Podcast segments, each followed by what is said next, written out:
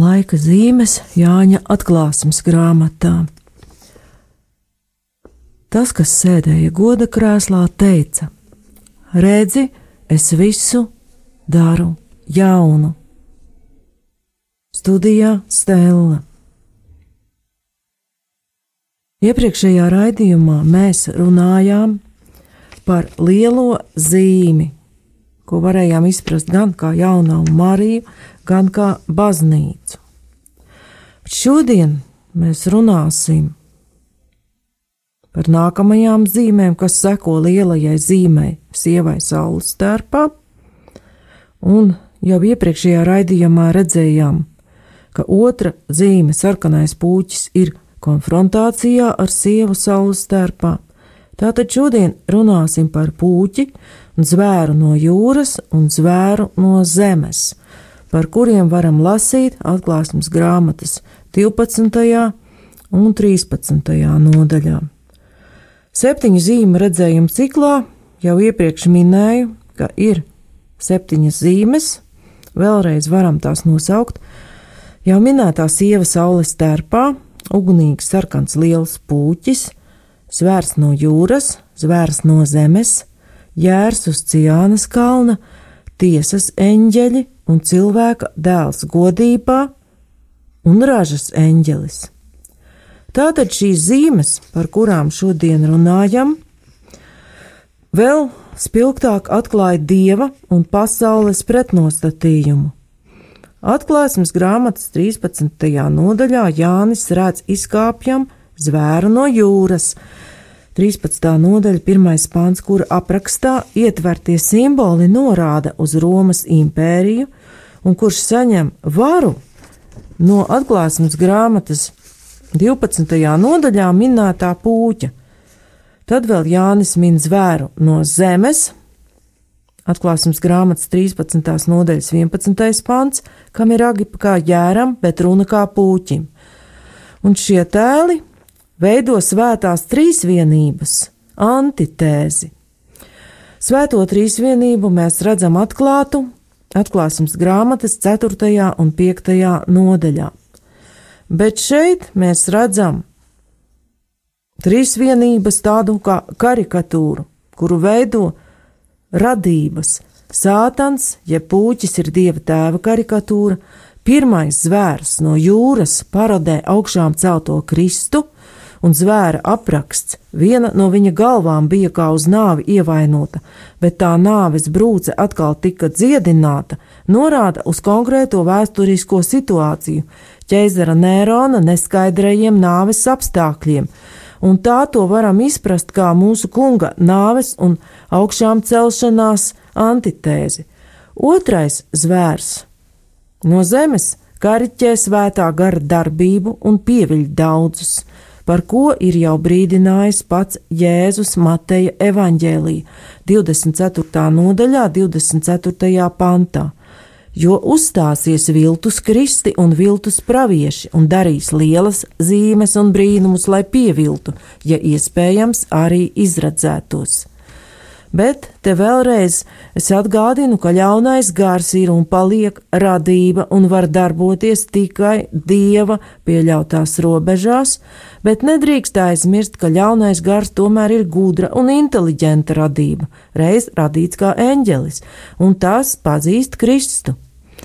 Kā Marka evaņģēlijā pirmajā nodaļā 34. pantā par to lasām – un viņš dziedināja daudzus, kas sirga ar dažādām kaitēm un izdzina ļaunu garu, daudz ļaunu garu, un viņš ļauniem gariem neļāva runāt, jo tie viņu pazina. Tātad Marks pasaka skaidri, kā ļaunie gari pazīst Kristu. Ļaunais gars zina arī svētos rakstus, ja mēs atceramies Jēzus kārdināšanas apraksts, un kā tāds ir bīstams un spējīgs pievēr, pievilt daudzus.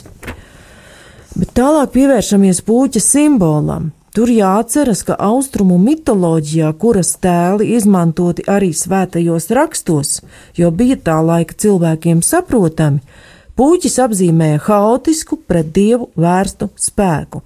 Puķa septiņas galvas atgādina par Romu, kas celta uz septiņiem pakalniem, un septiņas ķēniņa diadēmas, kas, kā jau iepriekšējā raidījumā noskaidrojām, nozīmē ļaunuma pilnu mēru un varas piesavināšanos, runā par mēģinājumu piesavināties dieva vietu. Senajā Romā ķeizari tika dievišķoti, un arī netik sena vēsture Mums liek atcerēties vadoņu personības kultus, kuros sarkanie stūrīši ir vadoņu. Bildēm atgādā, atgādināja ikonostas un nacistiskajā Vācijā mītiņa ar vadoņu runāšanu atgādināja reliģiskas sanāksmes. Tātad tās bija iekārtotas dieva pielūgsmes vietu karikatūras, jo cilvēka sirdī ir likta šī reliģiskā tieksme, pielūgsmes vajadzība un personības kulti faktiski turpināja to pašu radīšanas grāmatā aprakstītās vecās čūskas kārdinātāja darbu, solot paradīzi zemes virsū, bet iedodot tikai iznīcību. Un šobrīd tā sauktā brīvā tirgus pasaule nav ne par matu brīvāka. Cilvēka paša radītā ekonomiskā sistēma, ja brīvais tirgus ir uzsēdies kaklā saviem pielūdzējiem, un prasa arvien lielākus upurus. Cik cilvēkam jābūt pirkt un patērēt spējīgam, kādām mantām un īpašumiem viņam jāpieder, kā jāģērbjas, kādā prestižā skolā bērni jāsūta, lai viņš skaitītos cilvēks. Valstu vadoņu diktatoru kultus ir aizstājušas kulta personības un lietas. Ļoti bieži dzirdam izteicienu kulta dziedātājs, kulta aktieris, pat kulta ēdiens, modes ikons ka ikonas kaut gan normāli kults var būt attiecināts tikai uz dievu. Tā tad redzam, ir dievam veltīta kulta un viņa valdīšanas karikatūra. Darbojas atklāsmes grāmatā minētais pūķis. Pūķim ir arī desmit ragi. Romas laikā to var attiecināt uz tā saukto ķeizaru listi. Tas ir uz atklāsmes grāmatas sarakstīšanas laiku, bija nomainījušies desmit valdnieki. Varam saskatīt arī norādi uz varu, kāda ir pūķim uz tās un tās izpausmēm caur likumu. Jāatceras, ka Roma ir mūsdienu jurisprudences šūpulis, un daudzus principus esam no tās pārņēmušas, un jāatzīst, ka arī daudzos pagāniskās Romas likumos atradīsim dekaloga pēdas, jo Dievs katrā cilvēka sirdsapziņā ir ielicis tā aizmetņus, bet konkrētajā tēlā desmit ragi var simbolizēt desmit dieva baušļu karikatūru. Pūķa vadībā notiek cilvēku konstruētu sistēmu, ietvaros izdotu likumu, pielīdzināšana dieva dotajiem likumiem. Un ļoti labi zinām, ka ir likumi, kuri neatbilst dieva dotajiem likumiem. Atklāsmes grāmatas 12. nodaļā redzam, ka pūķis nezaudē laiku, viņš darbojas. Viņa aste noslaucīja trešo daļu zvaigžņu no debesīm un nometa tās uz zemi. Pūķis stāvēja sievas priekšā, kurai bija jādzemdē, lai aprītu viņas bērnu, kad viņa būs dzemdējusi. Atklāsmes grāmatas 12. nodaļa, 4. pants un rodas jautājums, kas ir šīs zvaigznes, ko noslauka puķa aste. Viena trešā daļa nozīmēja samērā lielu skaitu. Šeit cilvēku un eņģeļu skaitu, ko sātans aizved sev līdzi vai iznīcina fiziski. Atklāsmes grāmatas pirmajā nodaļā, 20. pantā mēs lasījām: Noslēpums par septiņām zvaigznēm, ko tu redzēji manā labajā rokā, un par septiņiem zelta lukturiem. Septiņas zvaigznes ir septiņu draugu eņģeļi, un septiņi lukturi ir septiņas draudzes.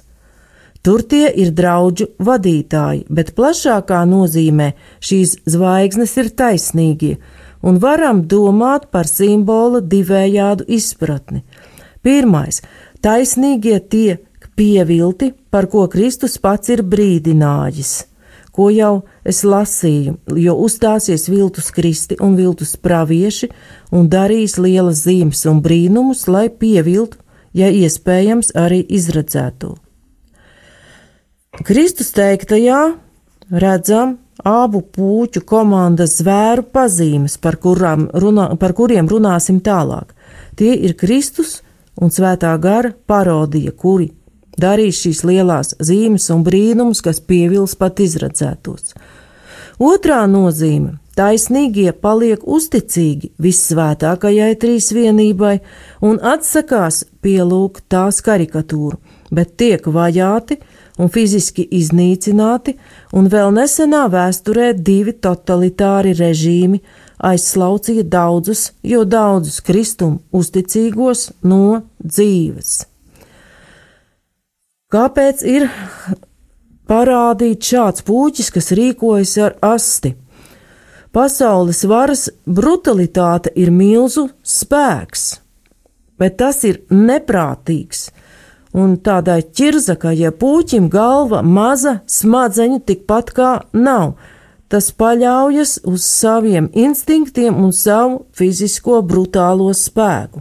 Tā tad tā ir tāda instinktu vadība. Šādas varas uztur pūļa zemāko instinktu kultivēšanu, ko Romas impērijā jau ļoti labi saprata - dot tautai maizi un spēles.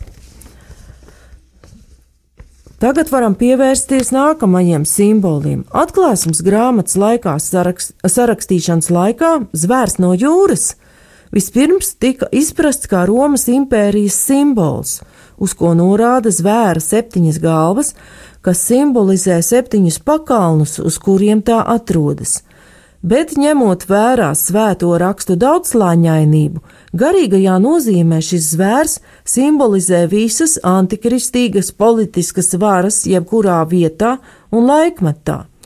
Vārdi, kuros ietverts Miķeļa vārda, kas ir kā dievs pretējā nozīme, un viņi pielūdza puķi tādēļ, ka tas zvēram devis varu.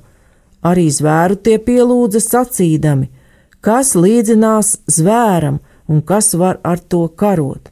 Atklāsmes grāmatas 13.4. Šie vārdi atklāja zvēru no jūras, kurš saņem varu no puķa varenības pretstatu dieva spēkam. Jo atcerēsimies aprakstu, ka eņģēlis Mihails cīnās ar sātanu, kad Mihaila vārds nozīmē, kas ir kā dievs. Tātad šajā epizodē par puķi un puķa pielūgšanu ir tā pretstats. Jāņa evanģēlijā mēs lasām, ka Kristus savu uzdevumu līdz ar to arī varu ir saņēmis no tēva. Neviens to nav man atņēmis, bet es to atdodu pats no sevis. Man ir vara to atdot un vara to atkal ņemt.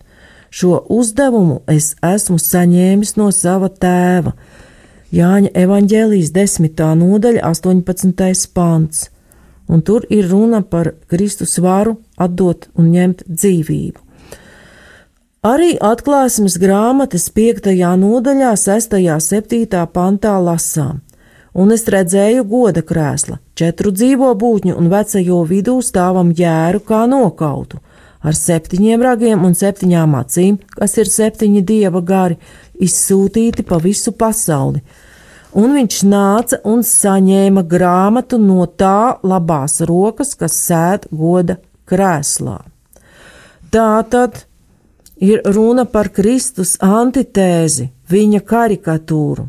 Tas zvērs no jūras, kas saņem varu no pūķa, ir agresīvs spēks, kurš varu saņem no ļaunā gara. Savukārt zvērs no zemes kurš darbojas kā svētā gara parodija, pārliecina cilvēkus, parādot savu varu ar brīnumiem, viņš organizē un propagandē pirmā zvēra pielūgsmi. Poļu ekseģēts Ustaņskis, pie, Ustaņskis pievērš uzmanību šī zvēra brīnumdarītāja spēka pretstatam dieva spēkam, atsaucoties uz bāla pielūdzēju un dzīvā dieva Jahves godinātāja pravieša Elijas cīņu, kas aprakstītajā vecā derībā, pirmā ķēniņu grāmatā 18. nodaļā. Un tur ir arī svētā, svēto rakstu vārdi, kas raksturo tautas svārstīgumu starp dzīvo dievu un elku dieviem, un šie vārdi ir ļoti aktuāli arī mūsdienās. 18.21. pirmā ķēniņa grāmata varam lasīt. Tad Elija pienāca visai tautai klāt un sacīja: Cik ilgi jūs klibosiet uz abām pusēm? Ja tas kungs ir dievs, tad sekojiet viņam, bet ja bāls ir dievs, tad sekojiet tam. Bet tauta viņam neatbildēja ne vārda. Mūsdienās sekošana otrajam zvēram izpaužas kā centieni kontrolēt savu dzīvi un piesaistīt apslēptus dabas spēkus ar maģijas un zīlēšanas palīdzību, tai pašā laikā it kā ievērojot kristīgās tradīcijas. Katoliskās baznīcas mācība šādu nostāju noraida kā tādu, kas ir pretrunā ar godu un cieņu, ko pavada mīloša bijība, kādu pienākas apliecināt vienīgi dievam. Vēl varam lasīt, ka otrajam zvēram ir zīme, kas ir cilvēka skaitlis - 666, kas pēc protestantu teologa Vēna Millera domām apzīmē vēsti, kas izklausās līdzīga evaņģēlīja vēstī, bet tai ar vien kaut kā pietrūkst līdzās evaņģēlīja pilnībai, ko apzīmē pilnības skaitlis septiņi. Šis skaidrojums ir nozīmīgs jau minēto personības kultu un materiālisma propagandas ietvaros, kas mūsdienās ir joprojām ļoti populāri. Tikai mainot savas izpausmes no klaja, agresīvām sistēmām, kā, kādi bija Staļina un Hitlera režīmi, kur tika dievināti šie vadoņi, uz it kā demokrātiskām sistēmām, kurās dominē patērētājs sabiedrības domāšanas veids, kas tirgus ekonomiku izvirza kā sabiedrības attīstības galveno virzītāju spēku, to faktiski ieceļot dieva vietā un tādējādi nostājoties pret dievu un viņu baznīcu. Jau minētais Bībeles pētnieks Astaņskis šo skaitli analizē vairākos līmeņos.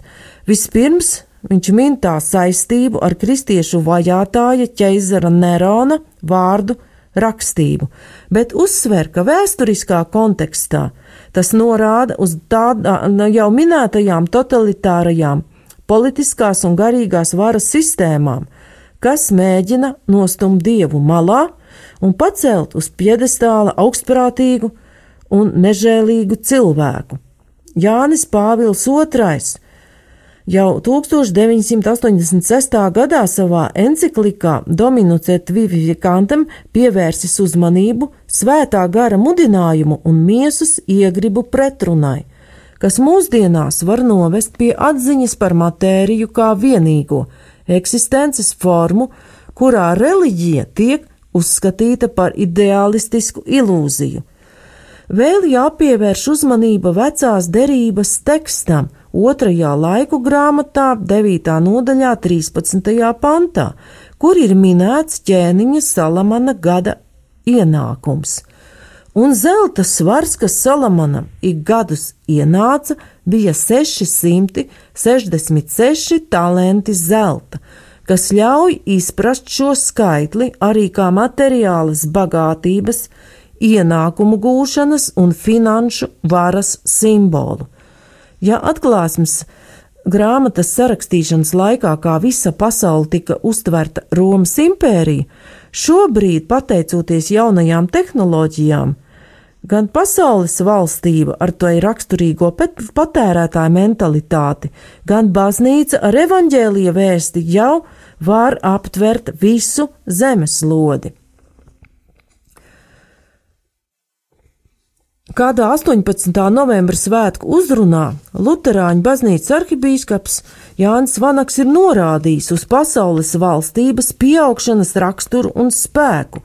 Patērētāja sabiedrība padara cilvēku par preci un iedzen nežēlīgā skrējienā, lai vispirms kāroto iegūtu bet tad, lai iegūto paturētu, un cilvēks tiek iegrūsts tādās pelnīšanas sacīkstēs un bailēs no tā, ka tas neizdosies.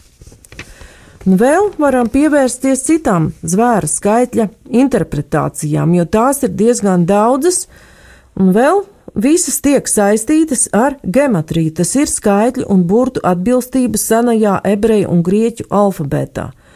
Baznīcas tēvi saskata grieķu valodā vairākus vārdus, kuru skaitliskā summa dod 666. Viens no tiem ir antemos, ko tulko kā goda pretinieks.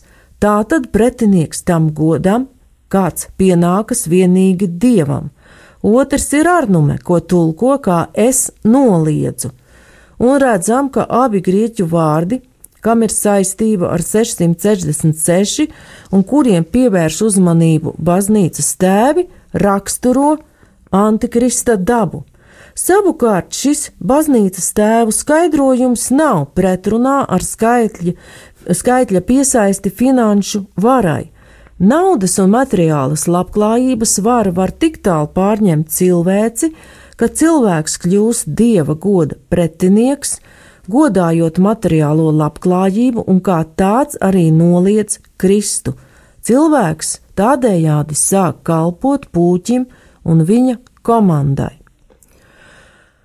Savukārt zvēram no jūras